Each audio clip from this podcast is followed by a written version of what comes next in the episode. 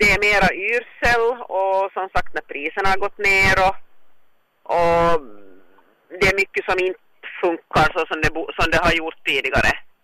Jag är inte en allmän bakåtsträvare men att visst får det gå framåt men då ska det också fungera från första början. Vad är det som är yrsel? Nå, nu när vi hör till Lähitaxi och deras eh, vad heter det, förmedlingssystem, inte, tekniken inte fungerar riktigt. Uh, det blir mycket dubbelbokningar eller så kommer bilen in, får inte bilen alls beställningen överhuvudtaget, speciellt folk som bor ute på, på landsbygden så kan bli utan bil eller vara jättelänge och vänta för att när kunden och bilen inte hittar varandra på grund av tekniken som inte fungerar. Händer det här ofta? Tyvärr. Allt för ofta. Men fanns de här problemen förr, innan taxilagen? Uh, nej, alltså då när vi hörde till Taxi Uusimaa Nyland så visst kunde det strula ibland men då fick man ju det upprätt betydligt mycket snabbare. Uh, de ringde från centralen till närmast varande chaufför eller om chauffören hade problem så fick den ganska snabbt hjälp då från centralen. Nu är det långa väntetider ibland för att man ska få tag på någon på Lähitaxi för att kunna reda ut ett problem.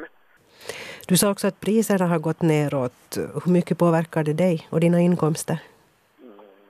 Nå, klart att det, det gör det. När jag gick igenom lite statistik här från uh, augusti och september så, så hade det gått ganska redigt neråt, nästan hälften. Och nu fick vi ju sen en liten löneförhö- vad heter det, taxeförhöjning från Lähitaxis sida så nu lite har förbättrat saker och ting. Men Kela-taxorna är ju ännu 25 procent ner från tidigare. Att första i sjunde så får de ner 25 procent. De här FPA-avgifterna? Ja, mm. precis. Ja. Svenska språket som inte riktigt vill fungera. Uh, vårt, vårt telefonnummer från Taxi Uusimaa så blev kvar hos uh, Lähitaxi, vilket skulle då agera som den, en svenskspråkig linje för många, våra många svenskspråkiga kunder ändå. Men den fungerar eh, egentligen inte så som den borde. Ibland svarar inte de alls där, ibland svarar det någon som inte behärskar svenska överhuvudtaget. Att eh, för de med svag svenska så har det också gått ner ganska mycket. Och sen just när det finns många Helsingforsbilar även då i Ekenäs som kanske nappar på någon köra och som inte heller behärskar eh, svenskan med svenskspråkiga kunder så det är också ett stort minus att våra kunder. Ser du alltså någonting positivt i situationen just nu?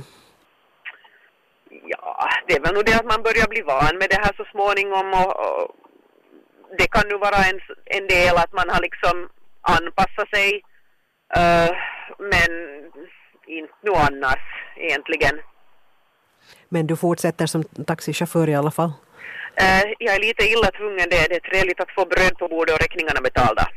Fast det lite, blir mindre över men att man klarar sig ändå.